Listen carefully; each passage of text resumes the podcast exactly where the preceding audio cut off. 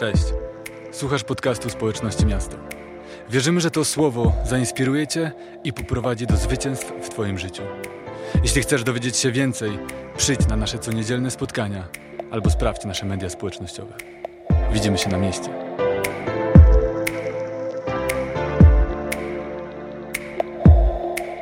Jesteśmy w serii Najwolniejszy rok naszego życia, najwolniejszy rok Twojego życia. I do tej pory mówiliśmy o tym, że pośpiech jest zabójcą naszego e, duchowego życia. I chciałbym zadać Ci na początku pytanie, i nie musisz podnosić ręki, bo wiemy, że do słabości człowiek się niechętnie przyznaje, ale czy są tutaj osoby, które po prostu czują się przeciążone, które potrzebują odpoczynku, albo po prostu musisz nauczyć się odpoczywać? W dzisiejszym świecie jest dosyć trudno wytrzymać pęd tego świata. Może żyjesz z piętnem leniwego, bo kiedyś usłyszałeś, że jesteś leniwy i całe życie udowadniasz, że ty naprawdę nie jesteś leniwy, że musisz coś robić i nie pozwalasz sobie nawet na chwilę odpoczynku. Albo wręcz przeciwnie. Może słyszałeś, że jesteś takim pracowitym dzieckiem i całe życie udowadniasz, próbujesz zasłużyć na tę opinię, próbujesz nie stracić tej opinii, że jesteś pracowity. To są częste przyczyny wypalenia. Te rzeczy, które gdzieś usłyszeliśmy w dzieciństwie, one determinują później nasze życie. To są pewne schematy, które są nieuświadomione i według których później funkcjonujemy. I dzisiaj moim celem, celem tego kazania jest to, abyśmy zjęli z siebie presję, że cały czas musimy coś robić.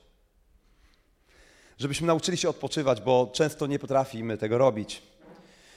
I żebyśmy zrozumieli, że odpoczynek jest tak naprawdę dobry i że jest zaplanowany przez Boga. Druga rzecz, dla której często nie potrafimy odpoczywać i cały czas gonimy i żyjemy w pośpiechu, to to, że mamy nieskończone pragnienia. I Bóg stworzył nas takimi właśnie nieskończonymi pragnieniami, ale stworzył nas jako ludzi skończonych, którzy są ograniczeni, którzy nie mogą być wszędzie, w każdym miejscu, w każdym czasie, nie mogą doświadczyć wszystkiego.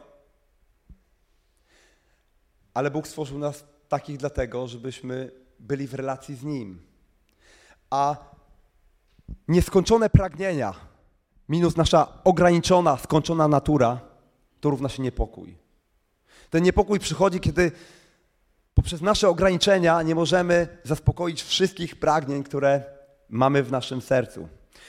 I tylko nieskończony Bóg, który stworzył nas jako skończonych i ograniczonych, stworzył nas do relacji z sobą i tylko ten nieskończony może zaspokoić nasze nieskończone pragnienia.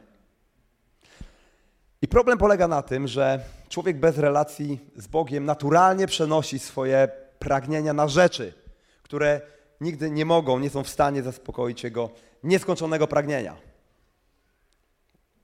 Jeden z doktorów Kościoła, święty Augustyn, jeden z ojców Kościoła, człowiek z IV wieku, samego prawie początku chrześcijaństwa, można by powiedzieć, powiedział takie słowa: Stworzyłeś nas dla siebie i nasze serce jest niespokojne, dopóki nie spocznie w Tobie. Rozwiązaniem dla naszego życia nie jest posiadanie większej ilości rzeczy, jakiegoś lepszego, nowszego modelu samochodu, lepszego modelu iPhone'a czy fajniejszych ciuchów. Ale rozwiązaniem dla naszego życia jest odpoczynek w Bogu. I wcale nie jakikolwiek odpoczynek, ale odpoczynek w Bogu. Dlatego dzisiaj będziemy mówić o szczególnym rodzaju odpoczynku. Będziemy mówić o szabacie, czyli o jednej z duchowych dyscyplin, która ma na celu uspokoić naszą duszę w tym pędzie, w którym jesteśmy, w tym pędzie XXI wieku. Szabat. Szabat drogą do zachwytu. To jest temat naszego dzisiejszego kazania. I szabat, pewnie znasz to słowo, słyszałeś. Szabat jest jedną, jednym z przykazań, które Bóg dał swojemu ludowi, dał Izraelowi na górze Synaj, kiedy wyprowadził Izrael z ziemi obiecanej z ziemi, przepraszam, niewoli, prowadził do ziemi obiecanej. Kiedy Izrael stanął pod górą Synaj, Czytamy o tym w Księdze Wyjścia. W 20 rozdziale znajduje się cała lista przykazań, znajduje się cały dekalog.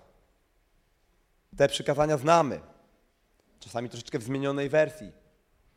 Ale jednym właśnie z tych przykazań jest przykazanie szabatu. Księga Wyjścia, 20 rozdział, 8 do 10 werset. Czytamy, jak Bóg mówi: Pamiętaj o dniu szabatu, aby go święcić. Pracuj sześć dni i wtedy wykonuj wszelką swoją pracę, ale siódmy dzień przeznacz na szabat dla Pana, Twojego Boga.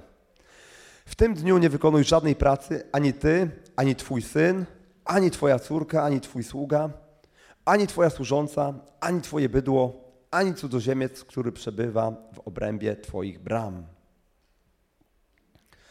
Pamiętaj o dniu szabatu. Szabat po hebrajsku oznacza dokładnie zatrzymać się. Zatrzymać się. Ale to jest takie wciśnięcie hamulca. To nie, po, to nie jest, szabat nie jest po to, żeby się kompletnie zatrzymać w swoim życiu, ale żeby zwolnić tempo. Bo szabat jest regulatorem prędkości dla naszego życia. Powiem pewien, pewien przykład. Czasami wydaje nam się, że pośpiech może tak bardzo dać nam dużo więcej, tak bardzo więcej możemy zyskać, kiedy się śpieszymy. Wyobraźmy sobie, że jeździmy samochodem i sprawdziłem to na własnym przykładzie. Moja obserwacja jest taka, że jeśli w, jeśli w mieście próbuję się śpieszyć samochodem i przekraczam prędkość, to i tak gdzieś stanę na światłach, gdzieś teraz trafię na korek. I patrząc po GPS-ie, mój czas podróży wcale, nie, wcale się nie skraca. Przyjeżdżam mniej więcej o tej samej godzinie, niż jakbym jechał zupełnie tą dopuszczalną prędkością 50 km na godzinę. I rzeczywiście zrobiono badania przepustowości w miastach i okazuje się, że ta prędkość 50 km na godzinę to jest optymalna prędkość, dzięki której nie robią się korki, dzięki której ruch jest płynny. Bo jeśli jest szybciej, to i tak gdzieś staniesz, i tak gdzieś spowodujesz, dojedziesz do miejsca, gdzie będziesz musiał szybciej hamować. Przy tym stworzysz jakąś, jakąś niebezpieczną sytuację. Podobnie jest na autostradach. Okazuje się, że ta prędkość 140 km na godzinę mniej więcej jest prędkością optymalną. Ponieważ jeśli jedziesz szybciej, to i tak natrafiasz na momenty, kiedy musisz szybciej gdzieś tam zahamować, gdzieś tam staniesz na bramkach na autostradzie. I tak musisz mieć pewien odpoczynek, jeśli jedziesz w długą podróż. I może wydawać ci się, że dużo nadrobisz, ale w Belgii robiono takie badania właśnie, które pokazały, że ta prędkość jest naprawdę prędkością optymalną. A jeśli wydaje ci się, że będziesz zasuwać i nawet sobie nie zrobisz żadnego przestoju, nie, nie zatrzymasz się e, do łazienki na toaletę, żeby chwilę odpocząć, tylko będziesz próbował nadrobić, to okazuje się, że jeśli zrobisz sobie dwa postoje gdzieś na autostradzie, to później, żeby te dwa postoje 10-minutowe nadrobić, to musisz przez 40 minut zasuwać prędkością 210 km na godzinę, żeby nadrobić. I patrząc teraz w drugą stronę, to oznacza, że jeśli przekraczasz prędkość i jedziesz 200 ileś na godzinę, to oznacza, że zyskujesz tylko i wyłącznie 20 minut w ciągu jakiejś tam 400 paru minut jazdy. Nie jest to dużo, a jeśli mówimy o jakiejś długiej prędkości, nikt zresztą do takiej prędkości się raczej nie zbliża. Są tacy, którzy to robią, ale generalnie my nie przekraczamy prędkości o, e, o, o 50, 60, 70, tylko załóżmy o 30, o 40, tak, że zamiast jechać 140, jedziesz może 160, może 170. Bardzo mało zyskujesz w ten sposób. A o ile, na o ile większą, większe niebezpieczeństwo się narażasz. Poza tym musisz być cały czas skoncentrowany i często tracisz całą przyjemność jazdy. Nie jesteś w stanie dostrzegać krajobrazów, które mijasz. A podróż w którą się bierasz, może być całkiem przyjemna, może być jednocześnie przygodą, może być radością. I podobnie w życiu. W pośpiechu niewiele rzeczy da się zrobić lepiej, ale jest cała masa rzeczy, które można zrobić gorzej. Dlatego potrzebujemy w naszym życiu wcisnąć hamulec. I dlatego dzisiaj mówimy o szabacie. Dlaczego w ogóle taka starożytna żydowska praktyka miałaby nas obchodzić? Podam Wam dzisiaj Siedem powodów.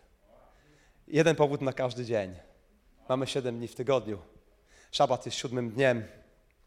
Więc pierwszy powód. Pierwszy i najbardziej banalny.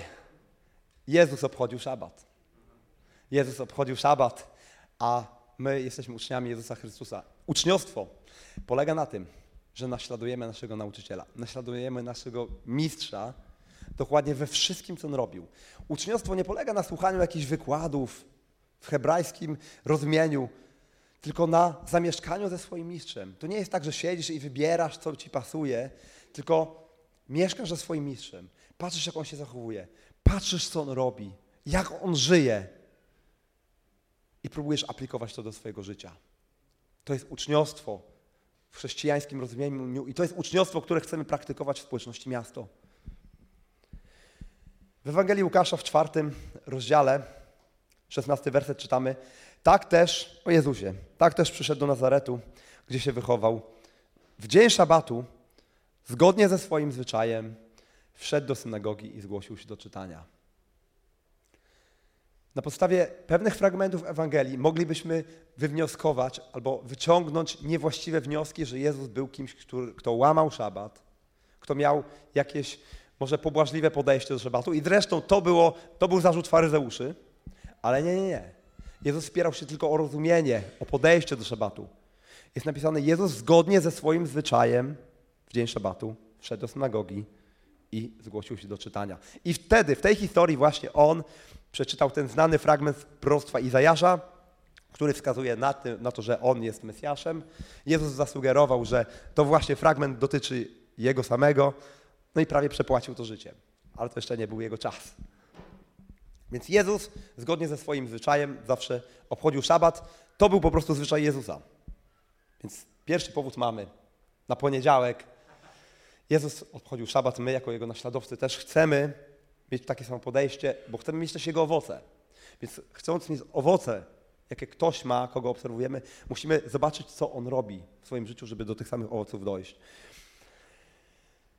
Drugie, drugi powód.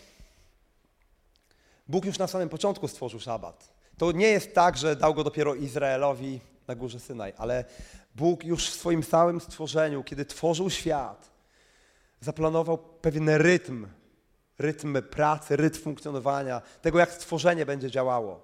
To jest jak rytm w muzyce. I cała natura i cały wszechświat działa według pewnego rytmu, który Bóg stworzył. To jest pewne, to jest wpisane w DNA tego świata. I dlatego, kiedy, kiedy Mojżesz daje Izraelowi przez Boga nadane przykazania pod górą Synaj i tłumacząc im te wersety, które przeczytaliśmy wcześniej, od 8 do 10, w 11 wersecie tłumaczy im, dlaczego mają przestrzegać dzień szabatu. 11 werset Księgi Wyjścia, 20 rozdziału. Mówi tak, czyń tak dlatego, że Pan tworzył niebo i ziemię i morze wraz ze wszystkim, co w nich przez sześć dni, a siódmego dnia odpoczął. Właśnie dlatego Pan pobłogosławił dzień szabatu i wyróżnił go spośród pozostałych. To jest jedyne przykazanie, które Bóg tłumaczy, dlaczego mamy je przestrzegać. Nie tłumaczy żadnych innych przekazań. Nie tłumaczy nie kradnij, bo to jest niedobre, bo to jest wbrew ludzkiej naturze, bo nie jest fajnie zostać okradzionym, ty też nie chciałbyś. Nie, nie mówi o tym, że niedobrze jest kogoś, mówi, że niedobrze jest kogoś mordować, ale nie tłumaczy dlaczego. Ale to jest jedyne przekazanie, które tłumaczy, dlaczego należy tak robić. Dlaczego? Dlatego, że Bóg stworzył świat już tak na, w taki sposób na początku. I wpisał to niejako w całą naturę istnienia tego wszechświata. Mało tego sam dał wzór. Odpoczął. A przecież czytamy, że Bóg się nie męczy. Więc Bóg się nie męczy, ale On odpoczął w tym sensie, że usiadł i zachwycił się tym, co stworzył. Popatrzył na to. Celebrował tę chwilę. Musimy mieć takie chwile w naszym życiu, żeby być zdrowi. Zdrowi emocjonalnie i zdrowi fizycznie. To jest pewna zasada wszechświata, którą Bóg wpisał. I jeśli będziesz postępował wbrew zasadom wszechświata, to odczujesz tego skutki. Podobnie jakby się stało z tobą, gdybyś nie przestrzegał prawa grawitacji i zignorował i próbował skoczyć z dziesiątego piętra gdzieś bez spadochronu albo jakiegoś zabezpieczenia. Jest jedna z zasad wszechświata. Trzeci powód. Jeśli nie respektujesz Bożego rytmu, Twoje ciało samo odbierze sobie szabat. To bezpośrednio wynika. To jest trzeci powód. Na trzeci dzień tygodnia. Choroba. Czym jest choroba? Choroba jest wtedy, kiedy często nasze ciało nie wytrzymuje, kiedy w końcu musi odpocząć. Bóg oprócz prawa szabatu dla, dla ludzi dał również prawo roku szabatowego dla ziemi, gdzie ziemia miała odpoczywać nieco, nieco 7 dni, ale co 7 lat, czyli 6 lat ziemia miała być obsadzana. I siódmego roku miała odpoczywać. Można było tylko zrywać to, co tam wyrosło, ale miało być nie, w ogóle nieobsiewane. To było, można było tylko na własny użytek, to nie było na handel. W roku szóstym, przed rokiem szabotowym, miały być zbiory. Bóg obiecywał, że będą podwójne, że wystarczy. Jeśli byłeś rolnikiem, to musiałeś zaufać, że tamten rok to jest dobrze. I rzeczywiście dzisiejsze badania pokazują, że ziemia musi odpocząć. Jest pewna zmienność i to dobrze robi ziemi, później da, robi, daje lepsze plony.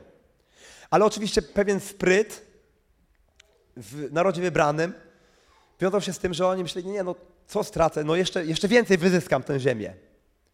I tak przez proroków Bóg zapowiedział, że w ten sposób trafią do niewoli babilońskiej, że nie respektują jego prawa. Różnych innych praw oczywiście też, ale między innymi tego. I że będą w tej niewoli tyle, dokładnie tyle, ile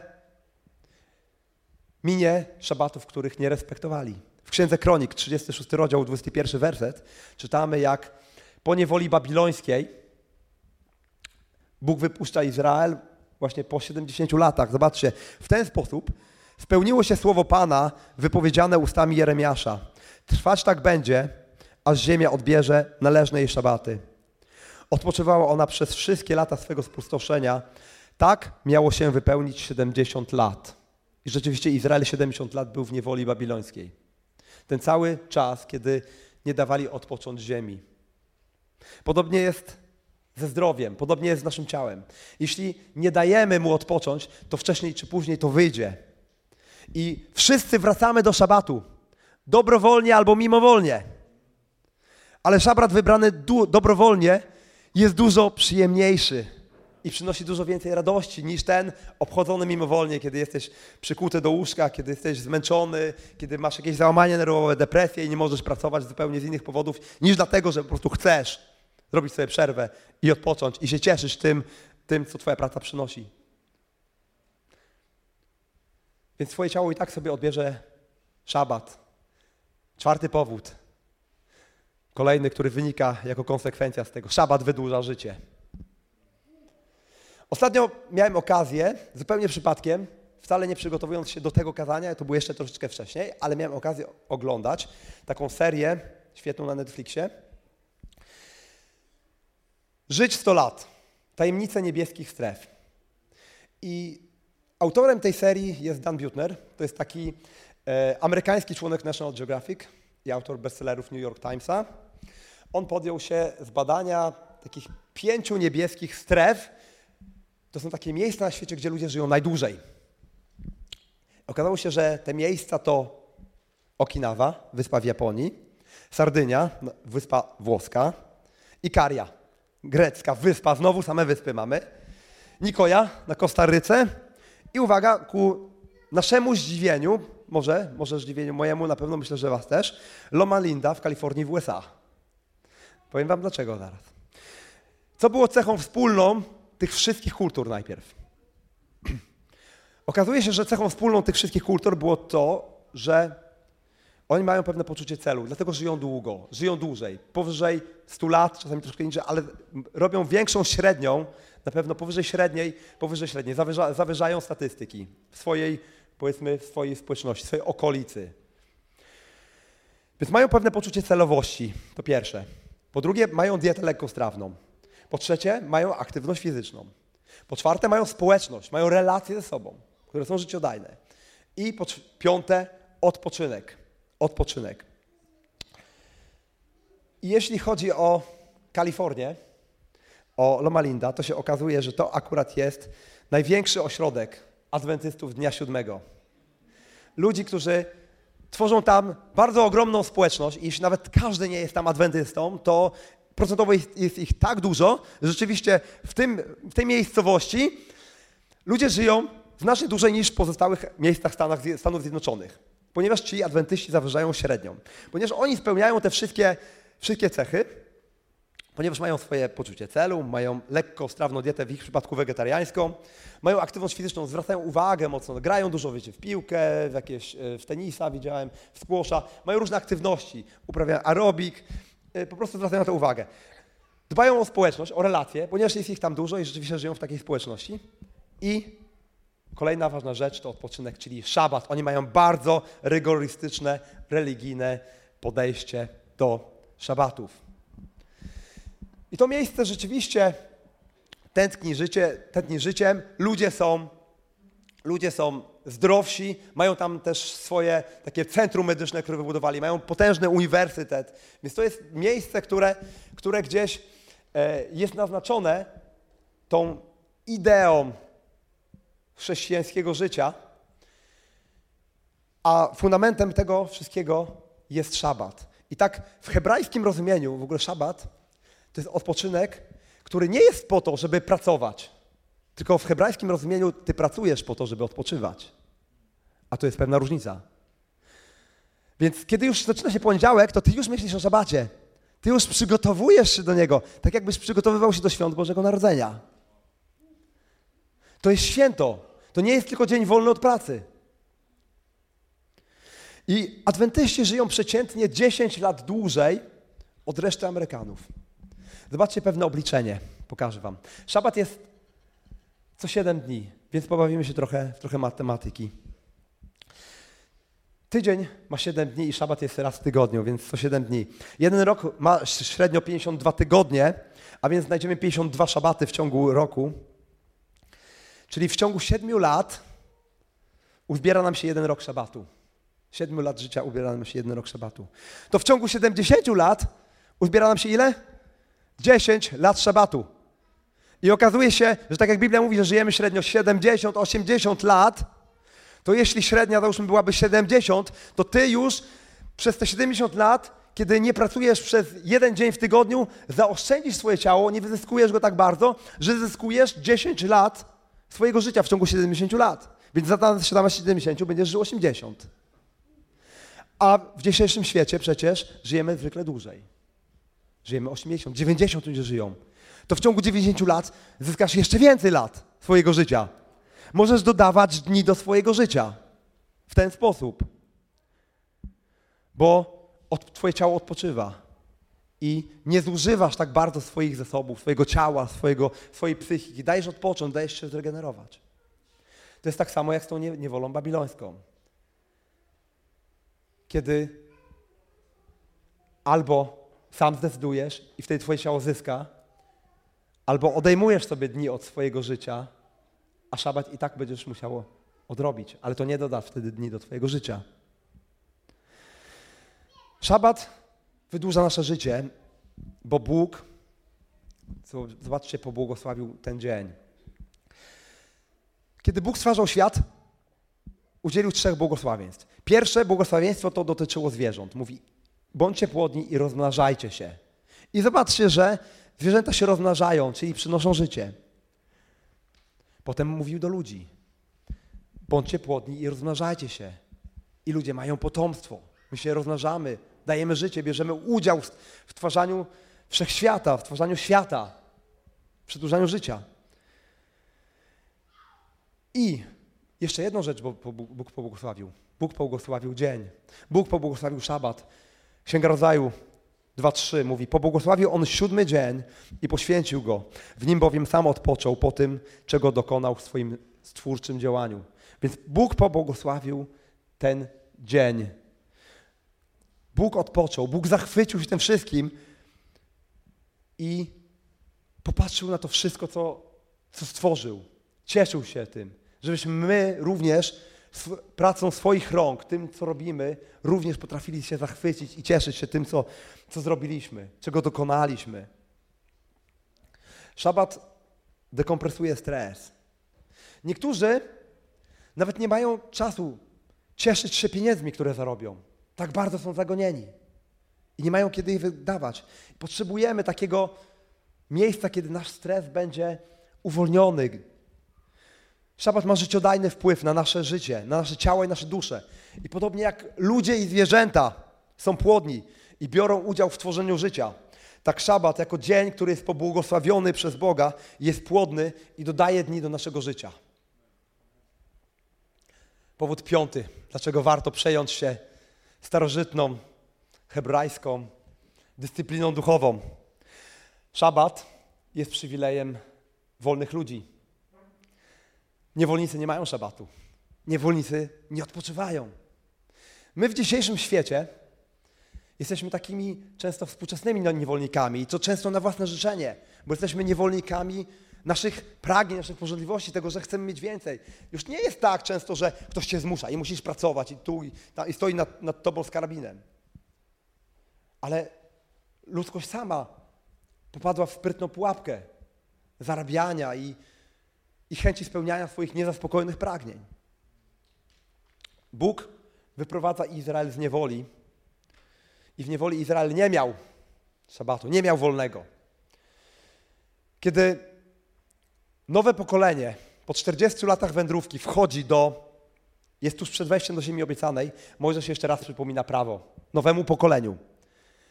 I zobaczcie, że w Księdze Powtórzonego Prawa w piątym rozdziale od 12 do 15 wersetu czytamy jeszcze raz o szabacie, ale tutaj znajdziemy inne uzasadnienie niż tamto poprzednie. W poprzednim uzasadnieniu było odwoływanie się do początków, do stworzenia, a tutaj Mojżesz odwołuje się do czasu niewoli. Zobaczcie, przestrzegaj dnia szabatu, święć go, tak jak rozkazał Ci Pan Twój Bóg. Pracuj sześć dni, wtedy wykonuj wszelką swoją pracę, ale siódmy dzień przeznacz na szabat dla Pana Twojego Boga. W tym dniu nie wykonuj żadnej pracy, ani Ty, ani Twój syn, ani Twoja córka, ani Twój sługa, ani Twoja służąca, ani Twoje bydle, ani Twój osioł, ani żadne Twoje zwierzę, ani cudzoziemiec, który przebywa w obrębie Twoich bram Niech odpocznie Twój sługa i Twoja służąca, podobnie jak Ty.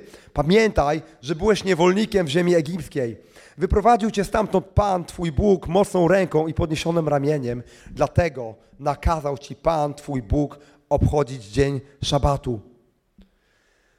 Bóg, kiedy wyprowadza swój lud z niewoli, daje im szabat jako przywilej wolnych ludzi. Cała akcja wyprowadzenia Izraela zaczęła się od tego, że Mojżesz z Aaronem poszli do Faraona i powiedzieli, daj nam trzy dni, żebyśmy mogli sobie poświętować, na, świąt, poświętować i złożyć ofiarę naszemu Bogu na pustyni. A on powiedział, co? Wam się w głowie poprzewracało, nie chce wam się pracować, przestańcie się zajmować bzdurami. I tak to nazwał. Jakbyście sobie przeczytali ten fragment. Dla tego świata, świata niewolników, sprawy duchowe są bzdurami, bo niewolnicy nie mają myśleć o duchowych rzeczach. Nie mają myśleć o duchowych rzeczach. Masz się tymi nie zajmować. Ale szabat i odpoczynek jest przywilejem wolnych ludzi. Ale czytamy, że ku wolności wyswobodził nas Chrystus. Jezus nas prowadzi do wolności. I to jest normalny, normalny przywilej wolnych ludzi, tak jak Bóg nas stworzył. Jest zgodny z zamysłem tego świata, który Bóg stworzył. Jest pewnym rytmem, który Bóg za, za, zaimplementował w swoim stworzeniu. Więc Bóg mówi, żeby nikt nie pracował w tym czasie. Ani ty, ani twój sługa, ani żaden cud ziemi, który, który jest, ani bydło, ani owca, ani twój laptop, ani twoja pralka. Zamykamy interes.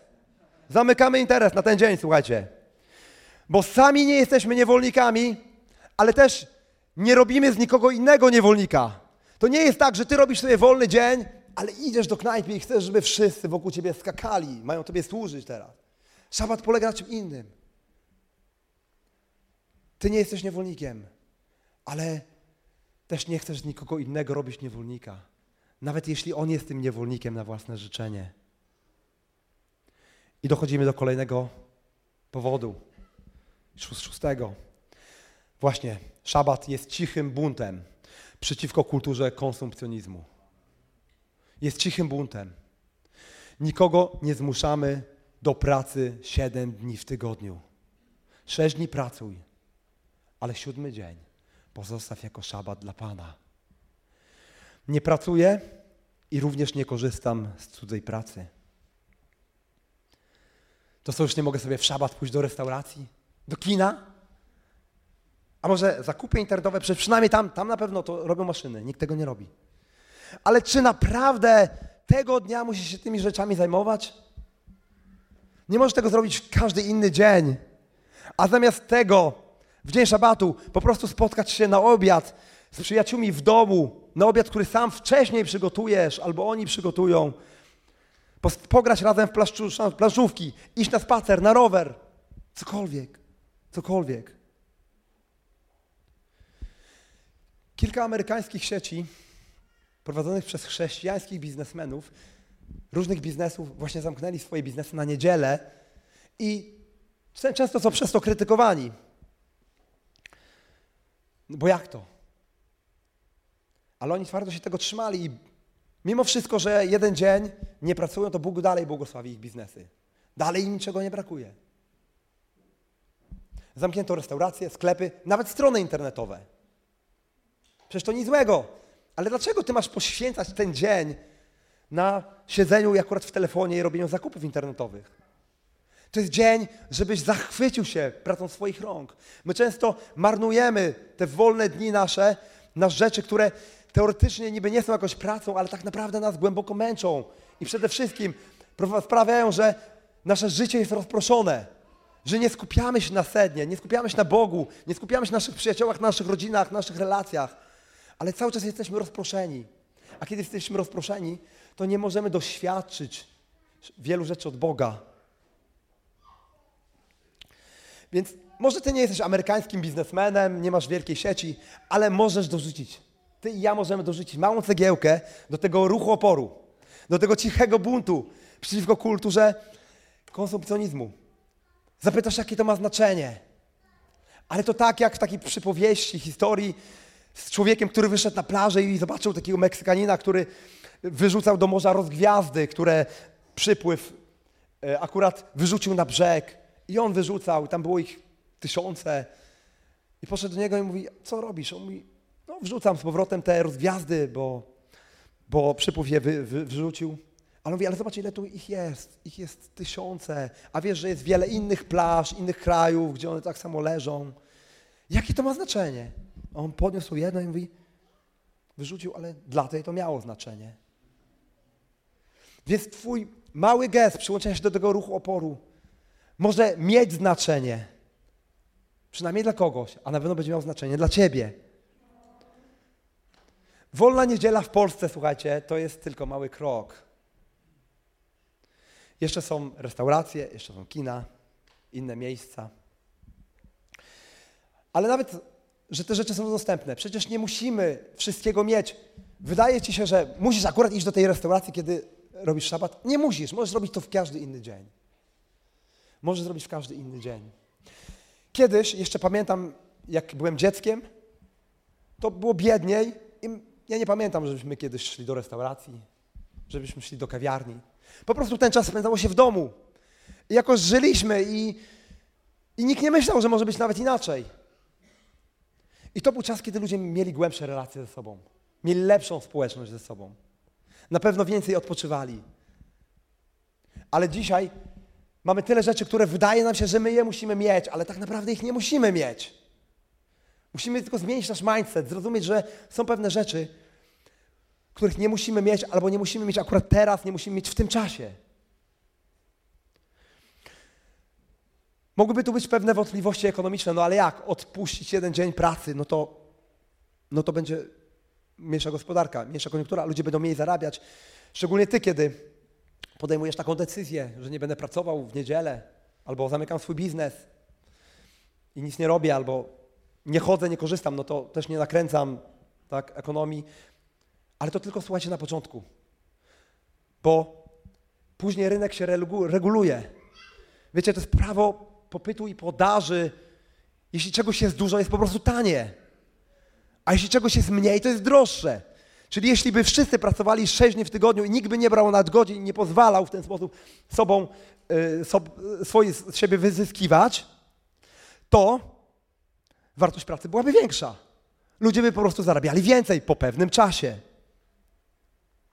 I ktoś musi się poświęcić, żeby stawić opór. Musi ponieść pewną ofiarę. Ale gwarantuję ci, że nawet jeśli z czegoś rezygnujesz, to nie zabraknie ci. Bo Bóg zadba o to, żebyśmy przez sześć dni pracując mieli wystarczająco. Nie musisz pracować 7 dni w tygodniu. Mimo, że prawo cię do tego nie zmusza, ale wiemy jak jest. Wiemy, że są nadgodziny, są jeszcze inne rzeczy, że to się omija. Sami sobie nie dajemy prawa no, do odpoczynku, bo musimy, jeśli prowadzisz biznes i wiesz, że musisz jakieś rzeczy robić, przynajmniej w ten wolny dzień podokańczam jakieś sprawy, żeby być na czysto. Słuchajcie, szabat to dzień, w którym nie korzystam z otaczającej nas kultury konsumpcjonizmu. Po prostu wyłączam się z niej, wylogowuję się. I to skutkuje, że wyrabiam w sobie pewien nawyk nie poddawania się tej kulturze również przez pozostałe sześć dni w tygodniu. A to pozwala nam znacząco wyhamować nasze życie w codziennej gonitwie za tym, żeby mieć więcej, żeby zarobić więcej, bo okazuje się, że to przestaje być po prostu takie ważne. I siódmy powód, który jest najważniejszy, który spina to wszystko. Szabat to jest dzień uwielbienia Pana i rzeczywiście to jest szczególny dzień uwielbienia Pana. Szabat to nie jest stara nazwa na weekend, ale sposób na wejście w uwielbienie i odpoczynek, które przygotował dla nas Bóg. To nie jest weekend, w którym nadrabiasz zaległości, w którym sprzątasz, robisz pranie, jedziesz na zakupy, odpisujesz na zaległe maile. Ani nie jest to czas, w którym nawet tempo gapisz się w Netflixa, czy skrolujesz media społecznościowe. Ale to jest czas, żeby zachwycić się aktem Bożego stworzenia, żeby celebrować życie, żeby świętować z rodziną. Szabat to nie jest tylko dzień wolny od pracy zawodowej, ale to jest dzień wolny od każdej pracy. Bóg poświęcił szabat i oddzielił go od całej reszty. I to jest szabat Pana. I On dzieli się tym świętem z nami, abyśmy mieli szczególny czas relacji z Nim. W uwielbieniu rozumianym nie jako muzyka, ale w uwielbieniu skupiony na dziękczynieniu i zachwycie wszystkim, co od Niego otrzymaliśmy. To jest pewna rewolucja w kulturze, w której Bóg daje szabat ludowi, który jest otoczony przez starożytne ludy, którzy myślą, że Bóg jest zawsze zamieszkuje w jakimś konkretnym miejscu. A Bóg nie jest obecny w miejscu, ale jest obecny w czasie. I nawet kiedy Bóg stworzył świątynię, kazał wybudować świątynię jerozolimską, to jego zamysłem było tak, żeby mieszkać pośród swojego ludu. I żeby wcale nie mieszkać w jakimś budynku, ale żeby dzielić czas, dzielić życie z ludźmi, których stworzył. I chcąc spotkać się z Bogiem, już nie musisz pielgrzymować do Jerozolimy, do Mekki, do klasztoru w Tybecie, czy do jakiegoś sanktuarium, bo Bóg nie jest obecny w miejscu, ale On jest obecny w dniu. I tym dniem jest szabat, który Bóg, którym Bóg podzielił się z nami, abyśmy tego dnia szczególnie pielęgnowali relacje z Nim. Dlatego, jeśli chcesz świętować prawdziwy szabat, a nie tylko weekend, to nie, nadrabiaj zaległości w pracy, ogranicz używanie telefonu, a najlepiej go wyłącz, nie sprzątaj domu. Jeśli jesteś studentem i możesz to zrobić, to, to nie pisz prac zaliczeniowych w tym czasie. Wiem, że to może być trudne. Wychodząc z domu, weź ze sobą wcześniej przygotowane jedzenie, żeby nie musieć wchodzić do jakiejś restauracji. A może umów się z kimś na obiad u kogoś, kiedy wcześniej przygotujesz ty obiad albo ktoś ciebie zaprosi. Słuchajcie, szabat jest świętem. Szabat jest świętem. To jak świętowanie Bożego Narodzenia, tylko co tydzień na większym ludzie, bez spiny. Zobaczcie, że my na święta Bożego Narodzenia nie wymyślamy, co my w święta będziemy nadrabiać, tylko my się już przygotowujemy wcześniej. I święta jest wszystko dopięte, już mamy. Tak samo jest z szabatem. Nie pracujemy, żeby odpoczywać, ale od, ale nie, nie, odpoczywamy, żeby pracować, ale pracujemy, żeby odpoczywać. Czyli od pierwszego dnia już planujemy. To jest pewna zmiana mindsetu. Jeśli szabat nas zastaje pewnym momencie i nie myślimy od tego samego początku i nie planujemy, to rzeczywiście okazuje się, że tu plany nie zrobione, tu coś jest nienapisane jeszcze, maile nie, nie odpowiedziałeś na maile, może nie mogą, nie mogą czekać. Ale kiedy planujesz, że to będzie święto, od poniedziałku o tym myślisz, to już układasz swoje życie. Wiecie, to jest pewien proces, do którego myślę, że musimy dojrzewać. To nie jest tak prosto, że powiesz sobie dzisiaj i tak będziesz potrafił żyć. Wiele rzeczy pewnie musimy poukładać. Ale to jest coś, do czego Bóg nas zaprasza. Może teraz pojawia się w Twojej głowie w ogóle taka myśl. Czy to nie jest jakiś legalizm? Przecież Jezus wykupił nas od prawa. I to prawda, tak, Jezus wykupił nas i za nieprzestrzeganie szabatu nie pójdziesz do piekła. Muszę Ci powiedzieć, na pewno nie pójdziesz. W prawie chodzi o coś więcej. To są zasady, które Bóg dał. One są po prostu dobre. To są dobre zasady. Nikt przecież nie dyskutuje z tym, że dobrą zasadą jest, że nie wolno nikogo mordować, że dobrą zasadą jest to, że nie wolno kraść. Szabat jest też dobrą zasadą, którą Bóg dał. To nie jest żadna, żaden legalizm. Ewangelia Marka 2,27. Jezus mówi, szabat został pomyślany dla człowieka, a nie człowiek dla szabatu. To jest w kontekście sporu Jezusa z faryzeuszami, którzy mu zarzucali, że on często łamie szabat, że robi źle, i, bo oni mieli religijne podejście do tego, że tego nie wolno, tamtego nie wolno. Ale Jezus mówi, nie, nie, nie. Wy źle po prostu to rozumiecie. Szabat jest przede wszystkim dla człowieka. W tych zasadach, które sobie często w, w Torze i nawet później w rabinicznym Talmud, Talmudzie ustanowiono, to są wiele, jest wiele rzeczy, których, których nie ma w Bożym Słowie, a stały się pewną tradycją, która już nie była życiodajna, tylko była legalizmem. Ale w prawdziwym szabacie chodzi o to, że szabat jest dla człowieka. Po to, że my mamy się spotkać z Nim i celebrować życie. Świętuję z naszymi najbliskimi, z rodziną i przede wszystkim w Jego obecności. Szabat jest dla człowieka. Więc jeśli jesteś przekonany, jeśli Cię to przekonuje, to pozostaje jeszcze pytanie, czy mam świętować sobotę, czy niedzielę w takim razie. Bo szabat to jest oryginalnie sobota. I to mało od zachodu do wschodu słońca. Bo szabat zaczyna się w piątek wieczorem. Dlaczego? Dlatego, że doba, doba według Bożego stworzenia zaczęła się od ciemności. Bóg najpierw, najpierw była ciemność, Bóg później stworzył światło. Czas leciał. Więc do 18 godziny, kiedy słońce zachodzi, zaczęto w piątek świętować szabat. Jest to świetna, świetne rozwiązanie, jeśli możesz sobie na to pozwolić. Przyjść z pracy, zacząć piątek, świętować z rodziną i świętować na przykład do soboty, do zachodu słońca. A wtedy, nawet w sobotę wieczorem po zachodzie już możesz robić inne rzeczy. Możesz, możesz jechać na kawę, możesz jechać do restauracji. Możesz jechać nawet na te zakupy. Jest to super opcja, ale nie każdy może sobie na to pozwolić. Niektórzy pracują dłużej, więc może cała sobota. Albo po prostu niedziela, która w naszym pierwszych wiekach już chrześcijaństwa, poprzez odcięcie się chrześcijaństwa od żydowskich korzeni, po prostu niedziela weszła jako taki odpowiednik szabatu. Tak naprawdę chodzi przede wszystkim o odpoczynek. Może jeśli masz służbę w kościele i ona jest wymagająca dla ciebie, to może to nie będzie, niedziela nie będzie dla ciebie odpoczynkiem. Ale z drugiej strony w szabat też niektórzy mieli służbę w synagodze i to był dla nich szabat. Więc kiedy ja, kiedy ja głoszę kazanie, a przygotowałem się wcześniej, już dzisiaj nie pracowałem nad nim, to może to być dla mnie szabat, ale jeśli gdyby, gdybym miał jeszcze później spotkanie rady, musiał przygotowywać jeszcze do chrztu i tak dalej, i tak dalej, cały dzień spędziłbym na obowiązkach, no to można by powiedzieć, to nie jest żaden szabat. Wtedy szabat bym prawdopodobnie zrobił sobie w sobotę. Nie chodzi o legalizm, chodzi przede wszystkim o pewną zasadę w naszym życiu. Bardziej chodzi o zasadę. Może to być nawet dowolny inny dzień, w którym ty żyjesz tak, jakby to był dzień wolny dla wszystkich. Że nie jesteś niewolnikiem i dla nikogo, nikogo nie zmuszasz do pracy tego dnia. Że wyłączasz się i wylogowujesz po to, żeby się skupić na Bogu. To jest szabat. Oczywiście inny dzień jest trudniejszy do zrealizowania, bo trudno jest fajnie celebrować szabat, kiedy wszyscy inni pracują. Dużo lepiej jest zrobić sobie jakieś spotkanie z przyjaciółmi, mieć taki czas świętowania, kiedy widzisz, że inni też sobie mogą na to pozwolić. Ale nie chodzi, tu o nie chodzi tutaj o stricte trzymanie się konkretnego dnia. Chodzi przede wszystkim o zasadę, że sześć dni pracujesz, ale jeden dzień to jest szabat Pana. Ale może powiesz, ale ja lubię swoją pracę i wcale się nie męczę. I w ogóle mnie relaksuje, odpręża i nakręca. Bóg też się nie męczy. Właśnie o to chodzi. Ale usiadł i zachwycił się. Chodzi o to, żebyś przystanął, zachwycił się tym wszystkim.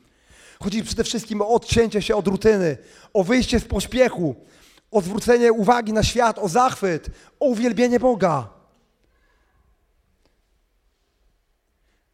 Już parę lat temu miałem doświadczenie z tym, że szabat jest ważny, że należy obchodzić szabat. I nawet przez jakiś czas mi się udawało, ale później to doświadczenie się lekko rozmyło. Dlatego, że w końcu trzeba było zrobić pranie. Przecież pralka się nie męczy, tylko nacisnę guzik. A w sumie to tu jakiś mail jest, tylko szybko odpowiem na maila, no wiele mnie to nie kosztuje, później dalej będę świętował, będę się modlił. W sumie to lubię chodzić po sklepach, popatrzeć sobie co jest, to mnie trochę odpręża. Przecież odpoczywam. I zaczynasz wrzucać takie drobne rzeczy, które stopniowo odwracają Twoją uwagę od istoty tego, czym jest szabat. I ostateczne rzeczy Cię męczą, bo wcale nie odpoczywasz. Jesteś rozproszony w swoim życiu. I ostatnio, kiedy trafiła w moje ręce książka Johna Marka Comera, Jak skutecznie przestać się śpieszyć, którą dostałem na Mikołaja pod choinkę. Ona sprawiła, że przyszła do mnie nowa inspiracja, świeża, świeża, świeże objawienie na ten temat. I przetrawiłem to i dzielę się dzisiaj z wami tymi rzeczami, które przeczytałem tam, a jednocześnie przetrawiłem przez swoje doświadczenie, przez swoje objawienie. I zachęcam was do tego, żebyście w ten sposób żyli, próbowali właśnie naśladować Jezusa. Bo Jezus obchodził szabat, a to jest droga naszego uczniostwa, naśladować Jezusa. Bóg stworzył pewien rytm DNA tego świata, które bije w ten sposób, że potrzebujemy pracować sześć dni, a jeden dzień, potrzebujemy odpoczywać i to jest dla nas zdrowe. Jeśli nie będziesz respektował Bożego rytmu, to Twoje ciało samo sobie odbierze szabat. A szabat wydłuża życie. I szabat jest przywilejem wolnych ludzi. Jeśli jesteś wolnym człowiekiem, to możesz pozwolić sobie na jeden dzień wolny. Niewolnicy nie pracują. Szabat jest cichym buntem przeciwko kulturze konsumpcjonizmu. A przede wszystkim, co najważniejsze, po siódme, to szabat jest cichym, jest dniem, szczególnym dniem uwielbienia Boga. To nie znaczy, że my w inne dni nie uwielbiamy Boga, ale jeśli nie potrafimy jednego dnia skupić się na Bogu i posłuchać tego, co On mówi w swoim słowie, żebyśmy ten dzień poświęcili na uwielbienie, to trudno nam będzie również pozostałe sześć dni, pozostałe sześć dni żyć tak, żeby to życie było uwielbieniem dla Bożej chwały. Może powiesz tak, Adam, okej, okay, rozumiem, rozumiem ideę szabatu. Chciałbym tak żyć, ale mam wymagającą pracę i nie mogę sobie na to pozwolić. Albo może jest tak, że po prostu w tygodniu pracujesz, a w weekendy studiujesz, może zaocznie. I nie chcę ci powiedzieć, musisz zrezygnować z czegoś, z pracy albo ze studiów. Nie powiem ci tak. Bo to jest coś, do czego musimy czasami dochodzić. W pewnym procesie dochodzimy do tego. Ale chcę ci powiedzieć, z czego masz nie rezygnować. Nie rezygnuj przede wszystkim z pragnienia życia w ten sposób. Słowo Boże mówi: pamiętaj o dniu szabatu. Pamiętaj. Do tego się dochodzi z czasem. W pewnym procesie. Czasem stopniowo, a czasem radykalnie. Że dzisiaj powiesz sobie: OK, dzisiaj wyłączam telefon, dzisiaj nie będę robił plana, dzisiaj nie będę sprawdzał maili, dzisiaj nie pójdę na zakupy, nie będę nic robił innego, oprócz spędzania czasu z moją rodziną, odpoczywania i chwalenia Boga we wszystkim, co robię. Ja Ci nie powiem, jak masz to rozwiązać. Ale powiem tak, módl się o to. Nie rezygnuj z pragnienia życia rytmem Bożej łaski. Dąż do tego. I może dzisiaj zaczniesz, może już zacząłeś, ale po jakimś czasie, albo nawet po pierwszym razie, złapiesz się na tym, że godzinę będziesz scrollował telefon, media społecznościowe. To chcę Ci powiedzieć, nie poddawaj się. Do tego się to chodzi. Trenuj. Podejmij duchową dyscyplinę. Szabat jest dla odpoczynku tym, czym trening dla zawodników przed meczem. Nie każdy trening jest idealny, ale dalej trenujemy. Czy chcesz podjąć walkę o przywrócenie Bożego rytmu do swojego życia? Czy chcesz żyć tak, jak Bóg zaplanował? Kto z Was chciałby żyć w ten sposób? To powstańcie, słuchajcie. Pamiętajcie, że kiedy dokonujesz wybór, to musi za tym też iść pewna asertywność. Zaraz będziemy się modlić, ale musisz zdać sobie sprawę, że kiedy mówisz tak, to jednocześnie wielu innym rzeczom musisz powiedzieć nie. I czasami są to dobre rzeczy. To nie zawsze są złe rzeczy. Tak, kiedy ja chcę mieć cichy czas, praktykować cichy czas, to wybieram, że nie włączam czasami radia w samochodzie. Nie dlatego, że słuchanie radia jest złe, ale po prostu, że wybieram ciszę w tym czasie, żeby skupić się na tym, co Bóg może mi powiedzieć, że mogę się w tym czasie modlić. Pomimo tego, że słuchanie radia, a szczególnie uwielbienia, też może być, być dobrą rzeczą. Zależy na co się decydujesz. Jeśli decydujesz się na szabat i mówisz tak, to pamiętaj, że wielu rzeczom będziesz musiał powiedzieć nie. A teraz chcemy się pomodlić. Słuchajcie, stańmy razem w modlitwie.